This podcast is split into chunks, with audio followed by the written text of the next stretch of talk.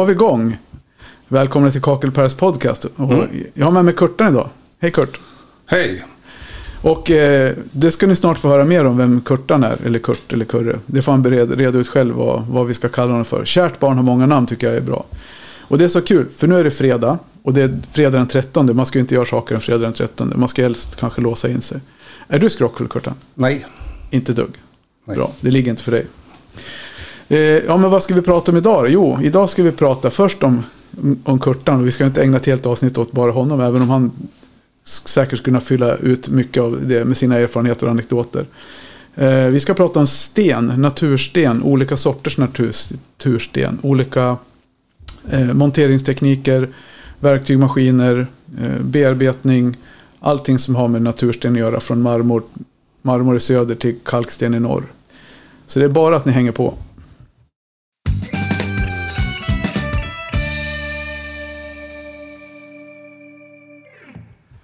Det är så roligt när man sitter och pratar så här och så ska man försöka, tänkte man så här, nu ska jag säga det här åt. Och sen börjar man prata så säger man något helt annat. Är det så för dig med ibland Kurtan? Ja, så är det ju. Eh, Men om vi ska börja prata natursten så... Vi ska, vi ska börja i rätt ände. Okej. Jag ska, det är lugnt, vi kommer snart igång. Nej men vi sa det, det är så kul när man sitter och, och poddar en fredag. Så, här, för man, så drar man jingeln och så nästan som man, så här, man vill knäppa en öl och få lite fredagsfeeling. Så där. Men innan vi slänger oss in i själva stenbrottet så vill jag veta lite mer om Kurt Derfelt. Berätta lite mer om dig själv. Vem, vem är du och varför har jag bjudit med dig i podden? Eh, Jag har jobbat med natursten i hela mitt yrkesliv. Ja, Från eh, 17 års ålder fram till idag. ja, Eh, Och eh, har lärt mig en hel del genom åren. Olika stensorter. Mm. Kvartsbundna eller kalkbundna Ja. stensorter. Men var kommer du ifrån? Eh, Uppvuxen i Stockholm. Bor i Västerås. Uppvuxen, ja, så du har ju liksom lagt hela din karriär i, eller uppvuxen i, Väst, i Mälardalsregionen kan man säga. Ja, Ja. ja, du sa att du har jobbat fram tills idag. Betyder det att du är pensionär alltså? just det. Nu har jag slutat. Det kan man fasen inte tro när man ser det. Jag tycker du, du ser, du ser fasen ung, inte vara typ så här 55 skulle jag gissa på. Ja, men jag är 63. Ja, ja, men, det är, ja men det är väl bra. Du har ju haft ett, då har du liksom tagit hand om dig, jobbat mycket utomhus kanske. Det är blandat både ute och inne. Ja, ja. bara ute är inte bra, bara inne är inte heller bra. Nej. Härligt. Men du, ja, men eh, företag, vad har du jobbat för företag?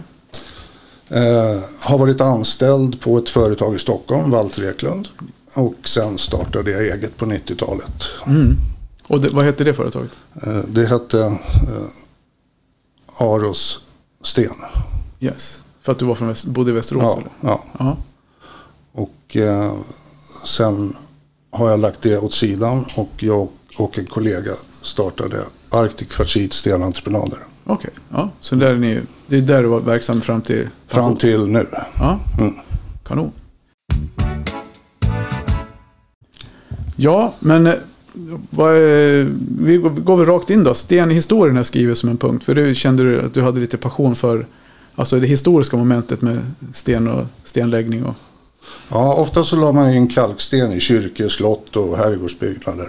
ja, Och på den tiden, eh, det är flera hundra år sedan, då handhögg man stenarna så de var ju skrovliga på undersidan och mellan 4 och 8 centimeter tjocka. mm, Och då la man det i hydraulisk kalkbruk.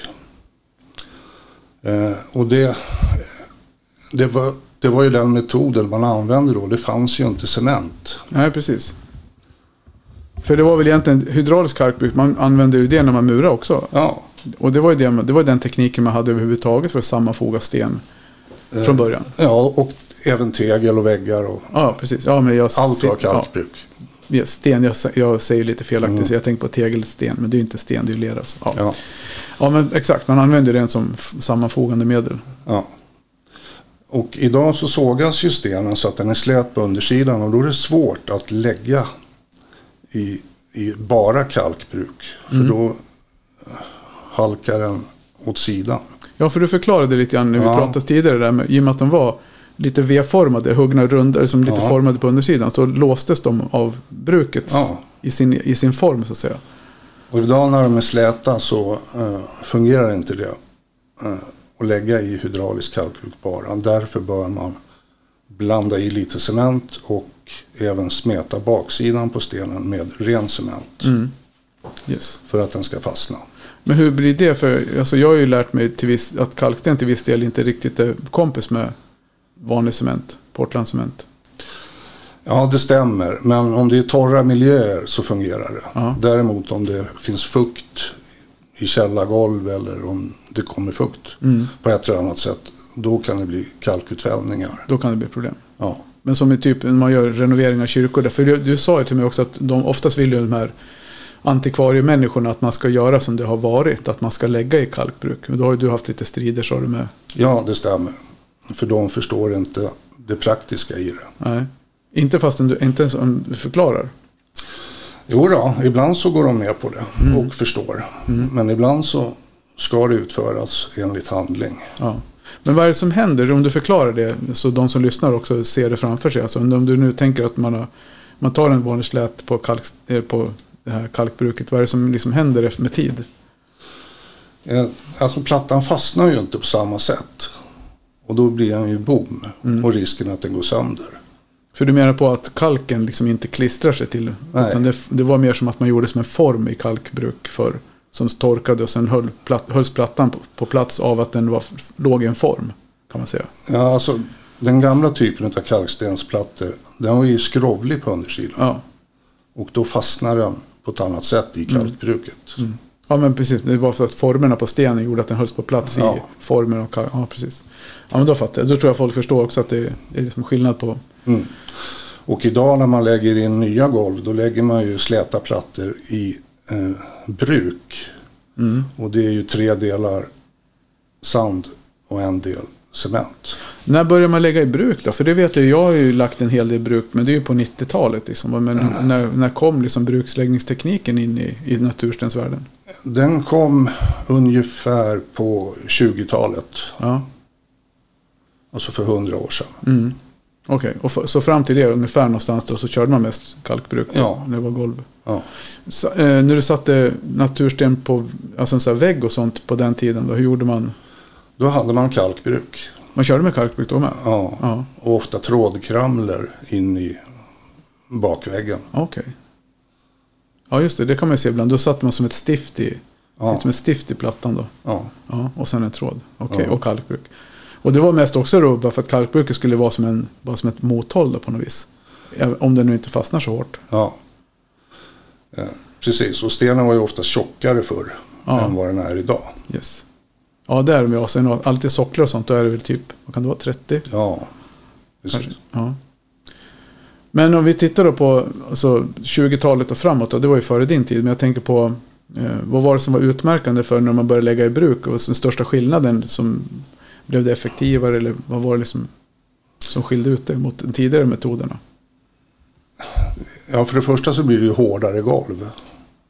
Eh, förr i tiden så var det oftast träbjälklag och byggnästafyllning som det kallas för emellan balkarna. Det kan ha varit bark och tegelrester och så vidare. Och Okej. då la man i kalkbruk. Mm. För den rör sig lite grann med konstruktionen. Men eh, sen när man började gjuta betonggolv då gick man över till att lägga i bruk också. Mm. Sand och cement. Och, då blev det, och la man det då så det liksom bands ihop med betonggolvet? Eller Ja. Så man la inga flytande?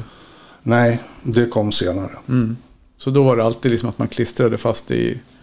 Det blev nästan naturligt. Limmade man fast det då med typ slamma i betonggolvet eller hur gjorde man? Eh, man vattnade bara med vatten. Ja. Och sen eh, jordfuktat bruk och så smetade man baksidan på stenen.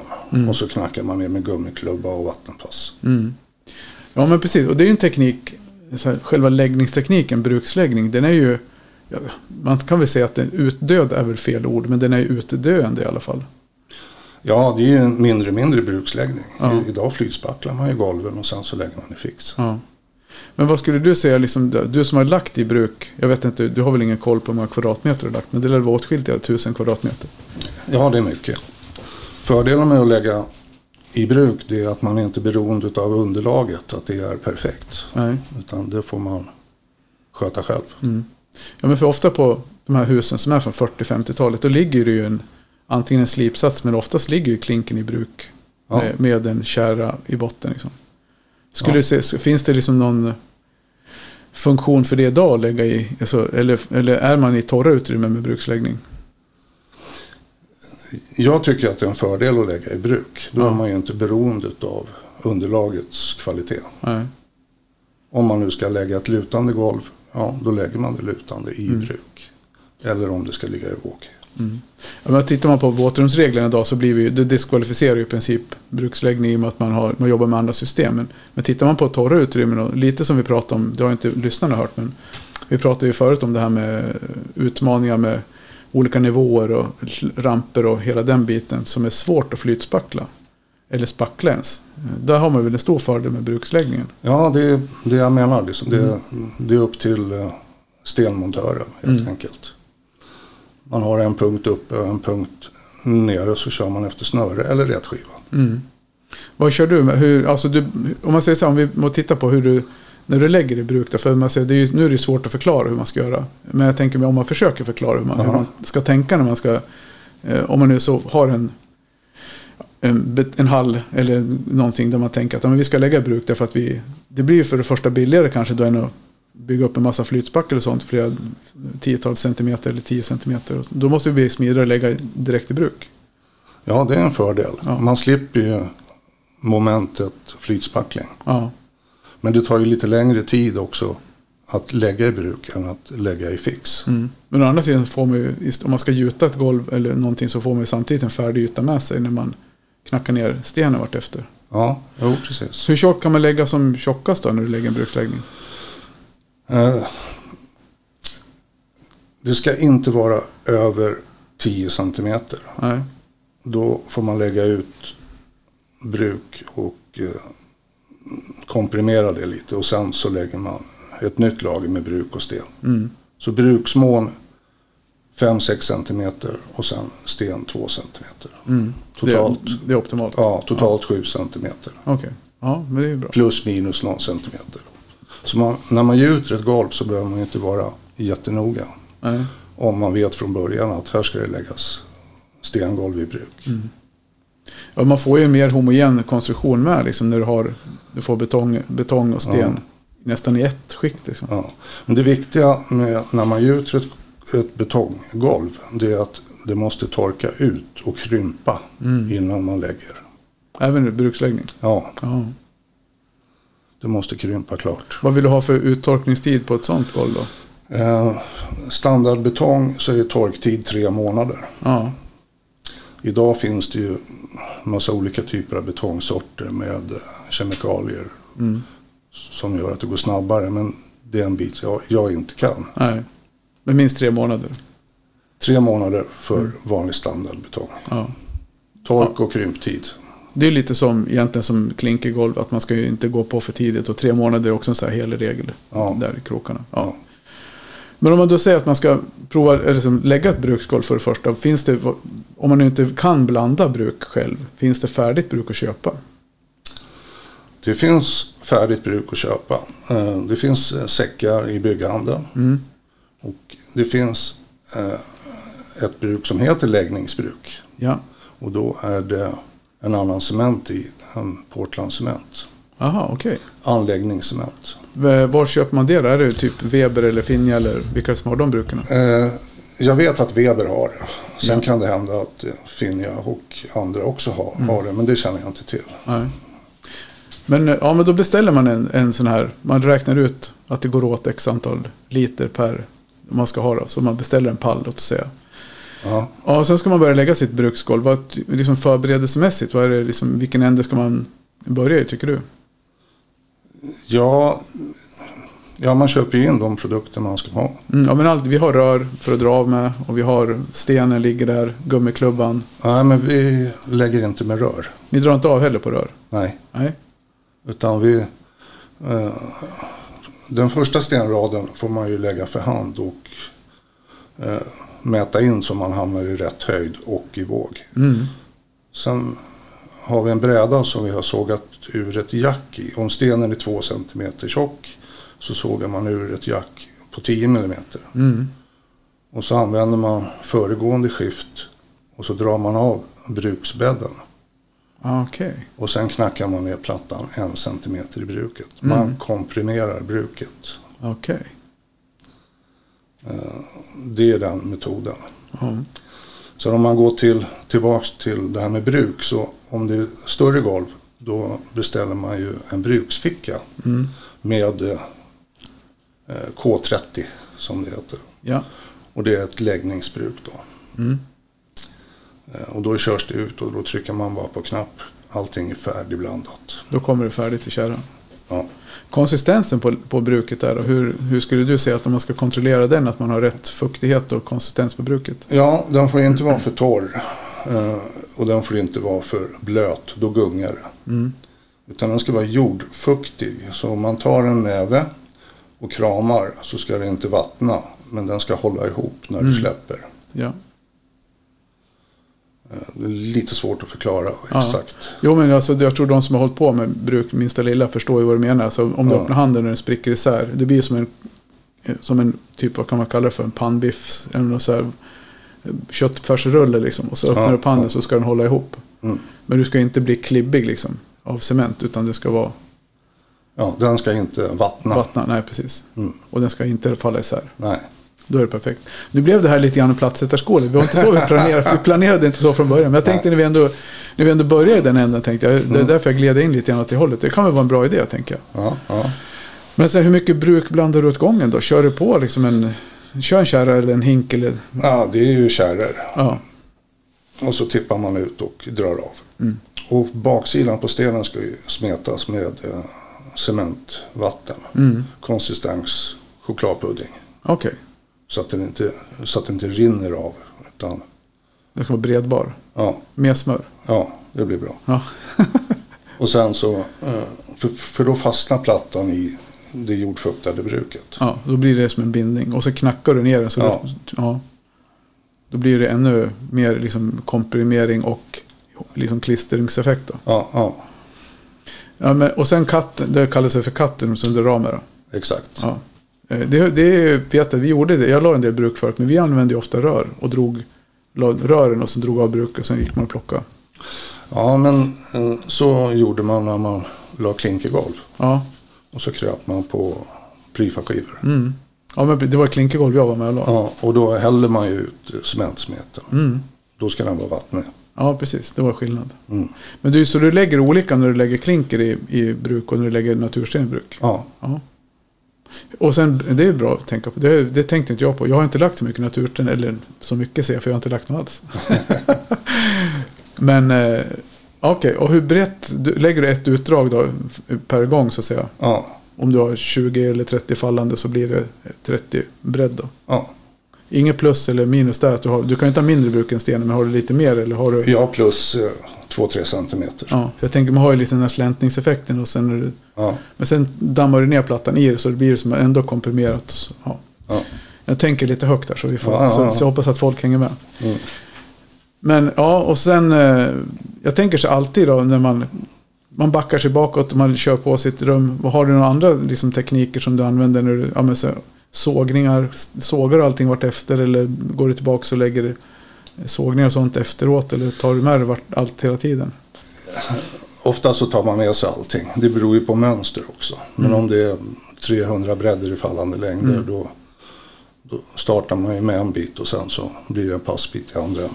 Ja, och då har man vattensåg eller någonting? Ja, vattensåg. ja det är det bästa. Ja. Och vi ska prata lite grann om verktyg och, och maskiner sen så där så kollar vi. Men hur tycker du, hur har utvecklats liksom naturstens, alltså tekniken med natursten sen du började då? Har det, är det mycket som har hänt eller har det sett likadant ut? Eller? Det har inte hänt jättemycket. Det har blivit lite finare vattensågar, lite smidigare Mm. eh, handmaskiner. Men i stort sett så är det samma. Mm. Ja, för stenen är ju densamma. Alltså den ändrar sig ju inte i och med att det är samma, om man säger med Ja. kolmårdsmarmor så är det kolmårdsmarmor, eller hur? Ja, ja visst. Utan det är, ju- det är i så fall klingor och, eh, till både handmaskiner och vattensågar som har blivit lite bättre. Mm. Men jag tänker så här, bruks, alltså själva produkterna som ni jobbar med där, bruk och så, det har inte heller blivit varken bättre eller sämre. Nej, det är samma. Ja. Ja. Eh, Men det är också lite, vad ska man kalla Hade det varit någon annan bransch hade man sagt att det är bakåtsträvande. Liksom. Men Jag tänker, det finns in, men det finns ju inte så mycket utveckling att göra i det. Eh, nej, inte som jag ser det. Nej. Utan det är ju sån här basic material. Ja, Sand, cement, sten. ja. Och sen då har man cement, diskussioner om cementindustrins påverkan på miljön och hela den biten. Så det är klart att där har man väl... Men har, har, ni har inte, där har man inte gått ut och tittat på några andra cementsorter och sånt. Det, är- det är för nytt kanske också. Jag vet inte om, du ens har, om de ens har tänkt på det i den delen av branschen. Jag är med i Svenska Stenindustriförbundet och där, Ja. där pratar vi miljö. Ja, precis. Transporter. Vart kommer materialet ifrån? Mm.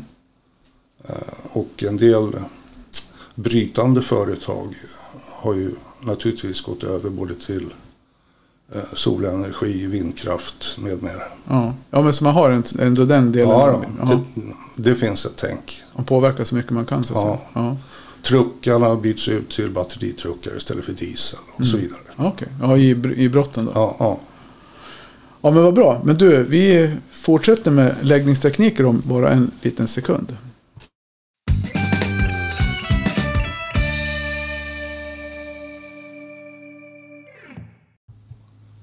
Ja, men det är tur. Du är ju kung på bruksläggning. Men eh, jag tänker så här, alla som håller på med det här och som lyssnar. Vi försökte ju nu att lägga lite grund för hur man ska tänka om man nu vill lägga i bruk. Men då sitter det säkert många där ute och tänker så här, men fasen jag har inte tid att lära mig det, jag har redan fullärd liksom. Och lägger i fix, de flesta gör ju det. Ja. Vad, vad, liksom, vad ska man tänka på där och vad finns det för... Jag vet ungefär, men nu ställer jag frågan till, till Ja. dig. Ja, men oftast är ju klinkerplattor lite förlåtande med rundare kanter och det är lite större fogar. När man lägger ett naturstensgolv så är ju fogen ungefär 2 mm och det är en skarp kant. Och låt oss säga att det är 300 i bredd i fallande längder så är det ju ja, det är, Ja. det är stora plattor och ställer stora krav på underlaget. Mm. Och där får vi nästan jämt eh, lyfta och dra bort fix eller lägga till fix Mm. för att få ett eh, ja, bra slutresultat helt Mm. enkelt. Men ska man lägga då den typen av plattor i, då är det ju extremt viktigt att man har ett bra flytspacklat golv faktiskt. Ja, Eh, Är det. Och sen att man har ett bra fix. Men men när det gäller val av fix då till... Vad skulle du säga? Jag brukar oftast, vi vet vi jobbar med två, tre leverantörer och då vet man vad de rekommenderar för produkter. Och vi brukar hålla oss till det. Men har du något generellt rekommendation liksom till? eh, när vi lägger golv i fix så blandar vi fixet något styvare Ja. för att det ska kunna gå att bygga med det. Mm. Flytfix använder vi inte. Nej. Eh, Och, och det går ju ganska bra faktiskt då att ha något stadigare konsistens på fixet. Mm. Men lägger ni då även tjockare natursten? Eller oftast de tunnsågade? Ja, det bästa är ju om det är 10 mm tjocka. Men ibland lägger vi 20 Ja.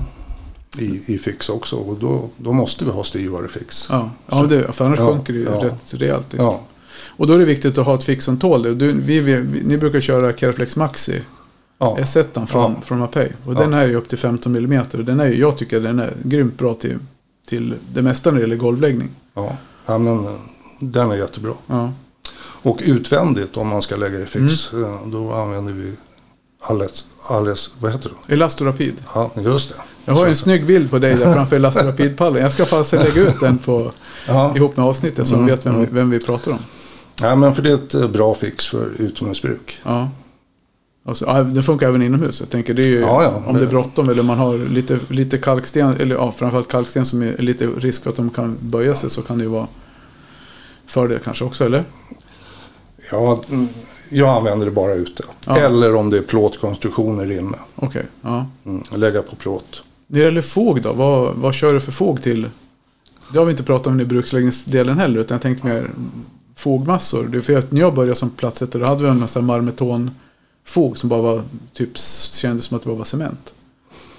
Ja, nej, men eh, vi kör ju med de här produkterna som, som finns då. Mm. Som Mapei har bland annat. Vanliga fogar. Ja, vanligt fog. Ja, det har blivit, det är väl så man gör mest idag. Men de här marmetonfogen, kommer du ihåg? Ja, till? ja, ja. Men var inte det typ av cement och vatten? Cement som man blandar med vatten? Jag vet faktiskt inte. Jag kommer inte ihåg vad det innehöll. För det var ju bara som, när man blandade den så blev det ju nästan som vatten. Så blev man ju hård, det är klart det blev hård men Ja. det var för att man hade ju så jäkla smala fogar. Ja. Nej, det är finkornigt fogbruk vi Ja. använder. Eftersom fogarna är bara två, max tre millimeter. Men ni använder alltid gummiklubba och, och rätskiva och sånt när ni lägger golv? Ni kör inga så här nivåspinnsystem och sånt? Nej, Nej. Nej, för det kan ju lyfta ett varningens finger för att det oftast är, är någonting man ska vara försiktig med just på naturstensgolv så är det de systemen.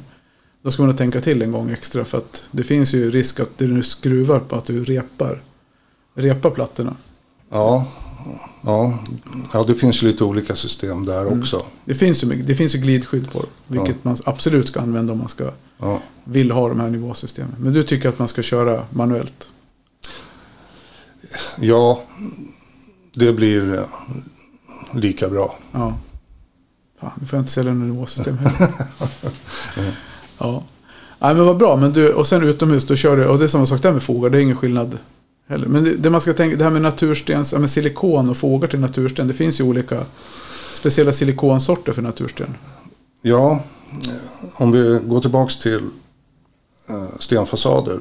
Där använder vi ju de som bara mjukfogar. Och Ja. det är inte silikon utan det är en polyuretanfog. Ja, okej. Ja. Ja. När ni mellan då, när ni kör fasader på mellan Ja, plattorna där. då är ju fogarna ungefär 7-8 millimeter. Ja, det blir större fogar då. Ja, i, I och med att den rostfria kramlan måste få plats någonstans. Mm. Det går att fälla in men det är ingen som Nej.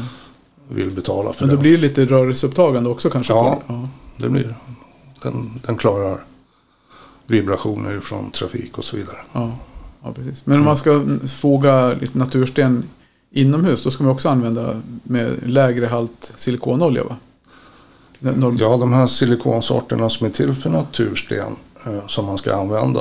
Eh, de innehåller väl, är inte det alkoholbaserade tror jag?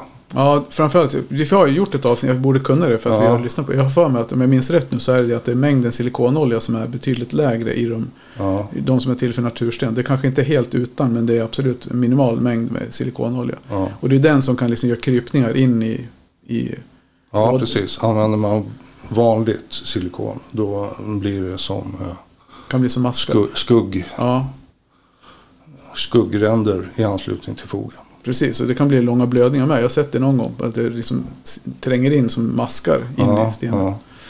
Men, men då får ni, det kan jag tipsa om er. Om ni inte har lyssnat på det avsnittet så passa på att lyssna på det. När jag och Janne på Mapei pratar om lite om silikon och vi pratar om lite fo, fix och fog. Mm. Bra, men vad fint. Tack Kurtan, vi går vidare. ja.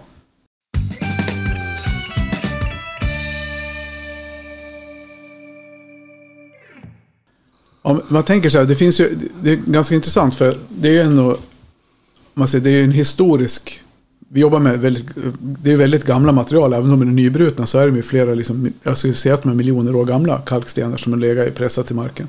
Och man har ju använt det under flera hundra år i, i bygg, i herrgårdar och i, ja men överallt liksom. Ja, så skulle jag säga att man gör ju någon form av, det när man gör om ett sånt här golv så är det nästan ett helgerån att gå in med flytspackel, tycker du inte det? Jo, det är, det är därför oftast det är antikvarier inkopplade Ja. på eh, kulturbyggnader. Men jag tänker på de som lyssnar på det här nu, om man säger så här, ska, vad, vad, vad är ditt råd till, till dem om de känner så här, men du, jag skulle verkligen vilja lära mig mer om det här. Alltså jag skulle vilja lära mig lägga i bruk, jag skulle vilja kunna ta ett jobb där det frågas efter naturstens... Eller, vad, vad har du för råd att ge till dem? Hur ska man gå vidare då? Eh, att gå in på Svenska Stenindustriförbundets hemsida. Där finns det mycket att läsa. Ja. Hur man monterar golv och trappor i bruk. Mm. Stenfasader. Mm. Och även golv i fix och så vidare. Men finns det några utbildningar för naturstensmontörer? Eller, Nej, det finns inte längre. Det slutade det med på 60-talet. ja. Så Utan det är lärlingsvägen. Mm. Om man då är liksom vuxen eller jobbar som platsättare några år och tycker att det verkar vara en utmaning. Ska man ta kontakt med någon stenhuggeri och fråga om de har någon som man kan få hjälp av? Eller? Vi skiljer ju på entreprenörverksamheten. Ja, Då är man ute på olika byggarbetsplatser Mm. eh, och så vidare. Och sen finns det ju de som enbart bryter stenen och förädlar Mm. det kunden vill ha. ja. Ja men jag tänker om man vill komma i kontakt med någon som kan lära en eller man kan få hjälp av. Vart vänder man? Så är det Stenindustriförbundet eller? Eh, Man kan gå den vägen eller så tar man kontakt med de här entreprenadföretagen. Mm. Ja, ja förklart. För det är ju, det, det, jag vet inte om det är någon som tyckte det var intressant och, och vill lära sig mer. Men det finns ju säkerligen, som jag fattar på det så finns det ganska mycket jobb. Och ni har ju haft mycket att göra hela tiden. Och det kanske var, är något sånt där det finns, det skulle behövas mer, fler personer. Ja, natursten har ju faktiskt blivit eh, lite populärare de senaste tio åren. Ja, För att det är ett naturmaterial. Va- ja precis. Beror det på det eller beror det på, är det någon trend eller? Alltså, vi har ju alltid använt natursten. Ja. Framförallt kalksten, marmor. Mm. Eh, och eh, det har väl, ja, det ligger i tiden på något sätt att använda naturmaterial. Mm. Man bygger ju hus i trä Ja, precis. och vill ha ja, stengolv Mm. där det passar. Men om vi, om vi byter, eh, byter spår för nu känner nu har vi pratat mycket liksom Mm. tekniken, materialet som vi gör, bygger upp konstruktionen med och, och lite grann hur vi ska göra. Så har vi bara skrapat på det, men vi ska inte lägga hela avsnittet på att prata om hur man ska dra ut sitt bruk. Liksom. För det tror jag folk fattar. Men om vi tittar på om man ska välja material eller om man ska titta på vilka olika sorters material det finns. Hur, hur mycket liksom, olika sorters sten finns det? För med, du, vi vi skiljer på att vi, ja, Carrara-marmor har ju alla sett och kolmarsmarmor har de flesta sett. Men sen utöver det så finns det ju granit och det finns en uppsjö. Du börjar ju nämna någonting om, om olika bindningar i dem. Ja, man kan säga att eh, det finns ju kalkbunden sten och det är ju kalksten, Mm. marmor. Och sen finns det kvartsbunden sten. Grovt sett, det finns lite olika mineraler i olika stenar. Ja. Men kvartsbunden sten, det är ju granit och gnejs. eh, Och eh, det finns även kvartsbunden skiffer. Och det är ju en, en tålig sten. Den klarar salt, klarar av att ligga ute. Mm. Medan kalksten och marmor klarar inte av vägsalt och liknande. Nej. Eh, Så att det är väl den stora skillnaden. Mm. Och eh, kalksten tycker jag att man inte ska ha i fuktiga miljöer. Nej. Och om man ska ha det så finns det en viss teknik med att eh, fuktspärra stenen på baksidan och, och även kanter. Mm. Ja, för det, vi pratade om det här tidigare när vi var på väg till Norge där. Ja, När idén föddes om att vi skulle göra ett avsnitt om Ja. Ja. ja. Men hur, just det här med, med fuktkänsligheten där, hur yttrar sig det då? Och vad, liksom, vad är det som händer? ja det blir ju kalkutfällningar Mm. i anslutning till fogarna först och främst. Sen kommer det även på ytan. Om man har sten i dusch till exempel. Är det alltid så eller kan det bli så? Det blir så med tiden. Ja, alltid oavsett. Ja, Ja. ja. Och det är, liksom, är, det, är det på grund av att, som jag har lärt mig i alla fall, så är det på grund av att kalkstenen är ju det som är grunden till cementen och att de två reagerar mot varandra. Är det så? Som det stämmer eller? Ja, det, alltså fukten är ju den stora boven. Ja. Och i en dusch till exempel så eh, kommer det ju schampo, tvål, det kommer sminkrester, olika typer av kemikalier Mm. ner på stenen. Så, så att det har inte något med cementen att gö- göra för idag finns det ju fix som är till för natursten. Ja, precis. Men det är det jag menar. Så det, Mm. det hjälper inte menar du, med saltutfällningarna? Nej, det Nej. kommer. Okej. För det är lite intressant där, för att när vi, nu när vi pratar om det så kom jag på att jag pratade faktiskt med Åke Brannestål. Det vet du, känner du till han? Nej, Han är ju besiktningsman och har ju haft eh, plattsättningsfirma i många år i Stockholm. Eh, Men just nu jobbar jag, jag är besiktningsman. Mm. För vi hade ett case som jag ringde honom och frågade om.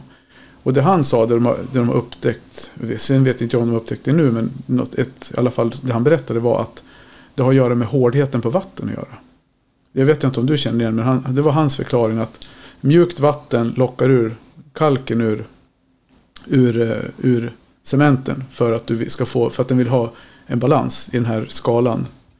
Så att medel ligger på 5. Om då vattnet har för lågt hårdhetstal så vill den jämna ut balansen i kalkhalt. Och då tar den kalk ifrån fixet och så blir det utfällningar i produkten. Kan det stämma tror du? I det här fallet också? ja, det, det där känner jag ju inte till Nej. direkt utan det är ju Naturligtvis finns det olika typer av vatten. Mm. Eh, hårt vatten och järnhaltigt vatten och så vidare. Mm.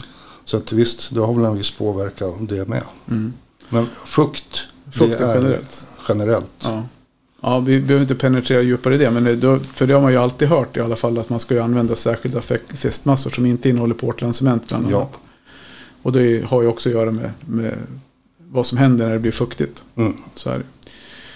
Men hur, du pratar om fuktspärrar. Hur gör du då? då? Vad, hur tänk, ska man tänka där? Ja, då mm, rollar man ju på baksidan på stenen och eh, penslar kanterna så att inte fukten går in den vägen. Utan då är det bara fukt uppifrån. Ja. Vad penslar du på med då? Ja, en fuktspärr som, som finns på marknaden. Mm. Ja, men typ en ångspärr då? Eller från... Ja, helst så tät som möjligt. Okej, ja för ångspärrarna är, de är ju, det är ju som flytande plast liksom. Mm. Så det är, med, det är ditt tips att om man ska använda kalksten i en dusch att man fuktspärrar med typ en ångspärr eller någonting. Ja, och sen ifall man ska lägga mm, till exempel långa fönsterbänkar utav kalksten. Mm.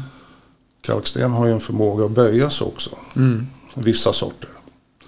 Och då är det bra om man eh, rollar på en fuktspärr Ja, på undersidan. Mm. Ja, för det de böjs också av fukt då. Ja, Mm.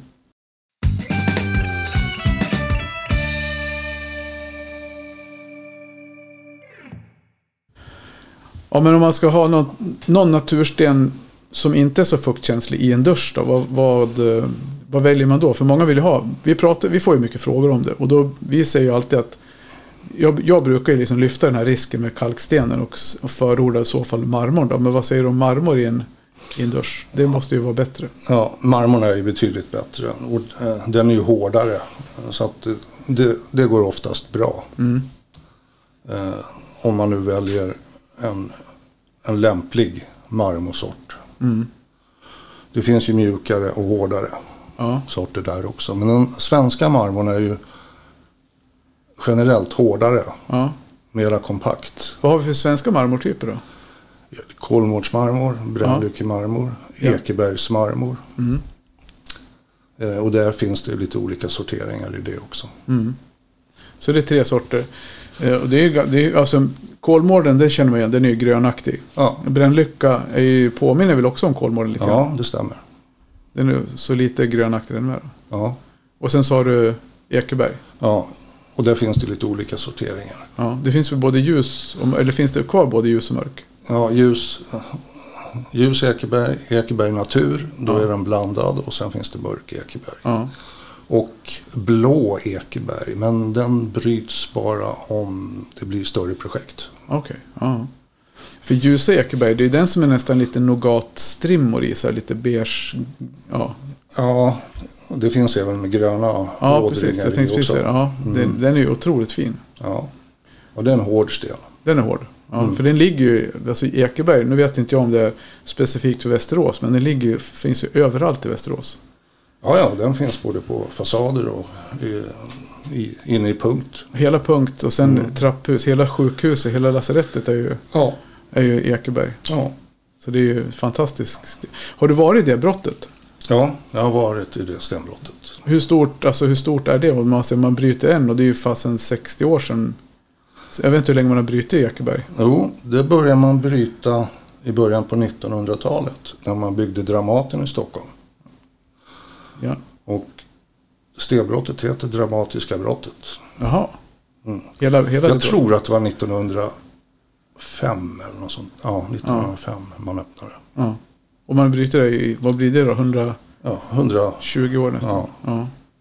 Fan, det är må- många ton som har tagits upp där. Ja, men det finns ju många stenbrott Mm. i den regionen Mm. eh, som är nedlagda. Ja. Men just det här brottet är öppet. Det ligger väl i Glanshammar utanför Örebro? Va? Ja, Mm. Det, är lite ro, det är lite roligt för att eh, Brickmates marmor, granitkeramik i Glanshammar, den hette ju Ekeberg först. Men det Mm. fick han ju inte heta. Utan de var ju tvungna att byta namn till Glanshammar. Vilket jag tycker var bra. Det spelar ingen roll. För det var den, men den är ju otroligt fin alltså. Den är också fin. ja, ja. Men vad tycker du om det då? Om vi, vi hoppar på det spåret lite snabbt så här från sidan då. När vi börjar prata om det. När, när vi pratar om den här trenden med natursten med en känsla av. Eller granitkeramik med en känsla av natursten. Du kallar det för plagiat. ja det, det är ett falskt material. ja, det kan vi diskutera ett annat avsnitt. Jag tänker så här, keramiken är fortfarande ett eget material. Men, men just det här, ser du några fördelar med att det har kommit så pass mycket granitkeramik som ser ut som natursten? Ja, det finns en fördel. Och det är när man ska lägga i källaren där det finns risk för fukt. Ja. Eh, så att det, det är bara att erkänna. Ja. Nej, men alltså, man tittar mm. på för och nackdelar. Vi har pratat mm. om det. Så egentligen så jag kan ju se som att natursten har ju väldigt mycket fördelar. Den enda nackdelen typ som med kalksten och sånt. Det är ju fukt och dusch och kemikalier. Va? Eller hur? Ja, ja. För kemikalier är väl också en sån sak som man får tänka på när man, när man håller på med både hantera natursten men även efteråt med natursten. Hur, hur ska man tänka där med val av alltså andra material runt omkring? Liksom? Alltså skötselråd eh, för natursten det finns ju också på Stenindustriförbundets sida. Ja. Och det är egentligen såpa. Mm. Så att det, det är, och det är en fördel med det. Mm. Naturvänligt. Ja. Jag tänker mer så finns det, finns det liksom något så här just när man hanterar stenen också någonting att tänka på. Alltså runt omkring själva arbetsplatsen som, som finns en risk att det kan skada eller förstöra annat än repor. Tänker jag, men någonting man använder. Ja, marmor och kalkstenar är ju repkänsliga. Ja. Absolut. Mm. Ja, men eh, om vi backar tillbaka till Ekebergs stenbrottet där. Har du varit på många stenbrott? Ja, jag har besökt många. Ja. Öland, Gotland, ja, Glanshammar. Mm. Hur, hur Kolmården. Är det bara en stor grop eller hur ser det ut? Liksom? ja, ja det, är ingen, det är ingen grop på det sättet. Utan Nej. man gör ju urtag så att det är liksom som kanter. Mm. Ja, som en jättestor trappa. Ja, just ja, Man har ju sett på bild i och för sig. Ja, jag ja, kom ja. på det när jag ställde frågan att det var väl en jävligt korkad fråga. Men det är fredag, man får skylla på det. Ja, och den 13.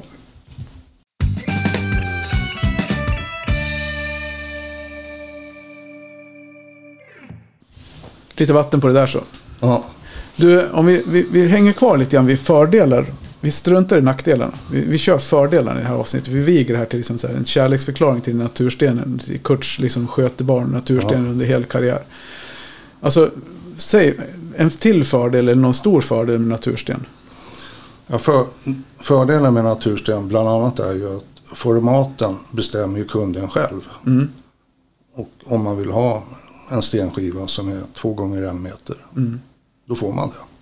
Om det finns möjligheter. Vissa stensorter går inte att få ut så stora skivor.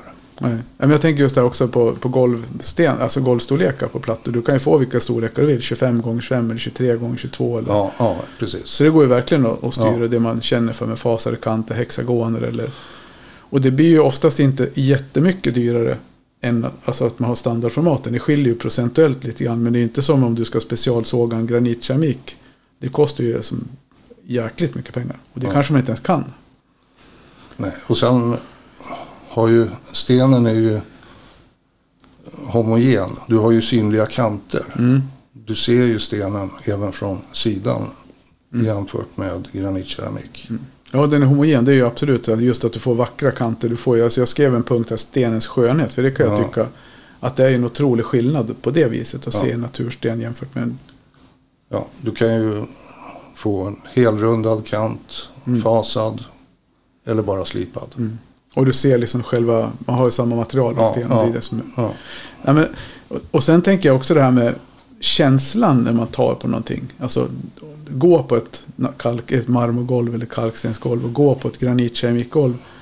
Alltså, eller när du i butiken när man står och håller in marmor. Jag brukar visa kunderna det. Jag är ju så lite passionerad över det jag håller på med. Så när mm. folk kommer in så brukar jag, jag brukar förklara skillnaden för dem. Att de får ta en marmorbit och så får de ta en granitkeramik. Och då känner man direkt skillnaden. Det är ju, jag vet inte, är det vattenabsorptionen eller friktion? Det är någonting i själva materialet som gör att man känner skillnaden. Eh, Ja, det är väl svårt att förklara. Det är en känsla. Ja, men jag tror att det är vattenabsorption. Alltså det, det, kan vara det. Granitkemiken är ju noll. Mm. Och, och marmorn och granit, kalk, kalksten har ju en viss absorptionsförmåga. Och då känner man ju det att du får en annan friktion. Och, ja. Och det gör ju också att det känns på ett annat sätt. Och det upplever man när man går på golven också. Ja, så är det. Så det är, en, det är en del i skönheten. Ja, ja men eh, natursten är ju inte lika hård som en granitkeramik. Nej, precis. Inte ens en granit. Inte ens en gång en granit. Det där är lite vanlig missuppfattning tror jag. me- Mellan, alltså, många som konsumenter vet ju inte riktigt vad granitkeramik är. För de tror ju att det är granit. De kopplar ihop det. väl. Så egentligen Ja. är det ett jävligt dåligt ord för det vi har. Liksom. Ja, ja.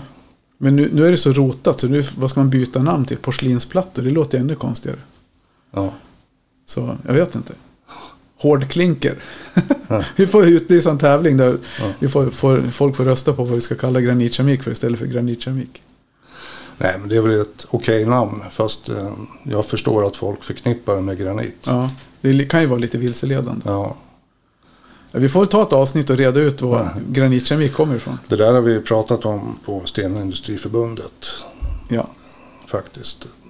Vad sa, ni, vad sa man där då? Eller vad tänker man där? Ja, men det finns ju vissa betongprodukter som har namnet sten. Ja, okej. Hålsten. Mm. Det är ingen sten. Nej, Det är en betongprodukt. ja. Tegelsten. Ja, Det är en lerprodukt. ja. Så att eh, det finns många namn som har sten. Ja, det är ungefär som bulle. Mm. Vad är en bulle? Kanelbulle, vetebulle. Ja, vi ska inte fastna i det. Nej.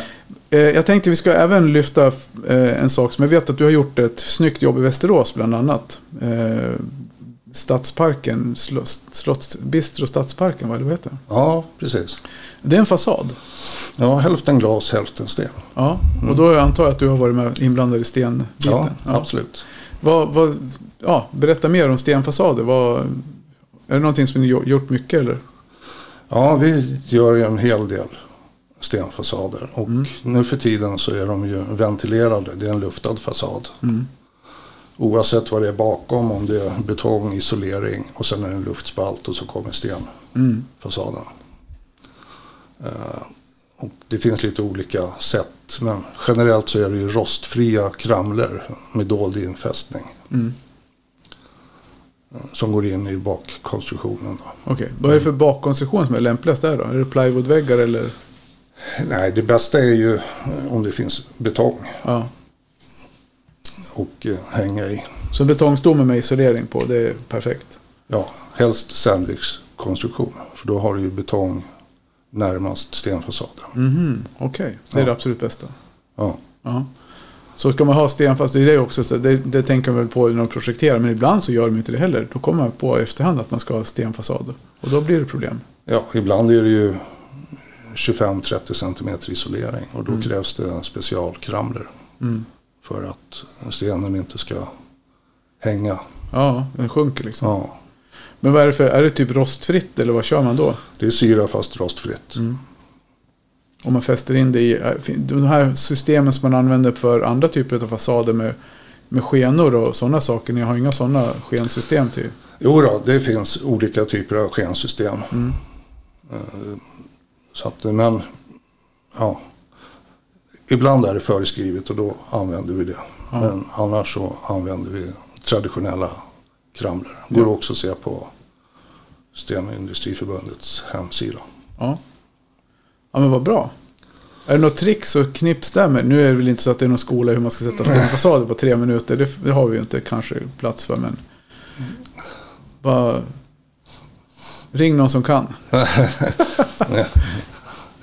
Ja, nej men eh, om man får vara med lite från början så är det ju bra att prata med en konstruktör. Ja. så, att det, så att det blir rätt. En, en stenfasad är ju oftast av någon form av granit. Mm.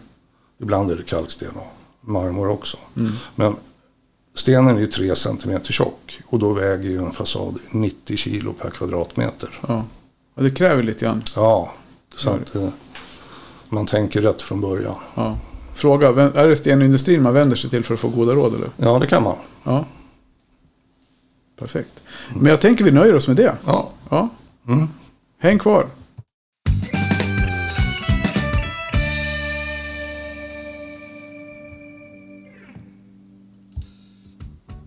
Sådär då Kurt. ja, Po- Poddpremiär. ja.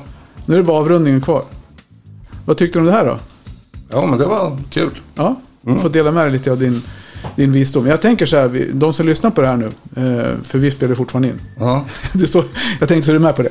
Eh, så jag tänkte, de, om det är någon som hör av sig, då kan jag vidarebefordra frågorna till dig. ja, jag är tillgänglig.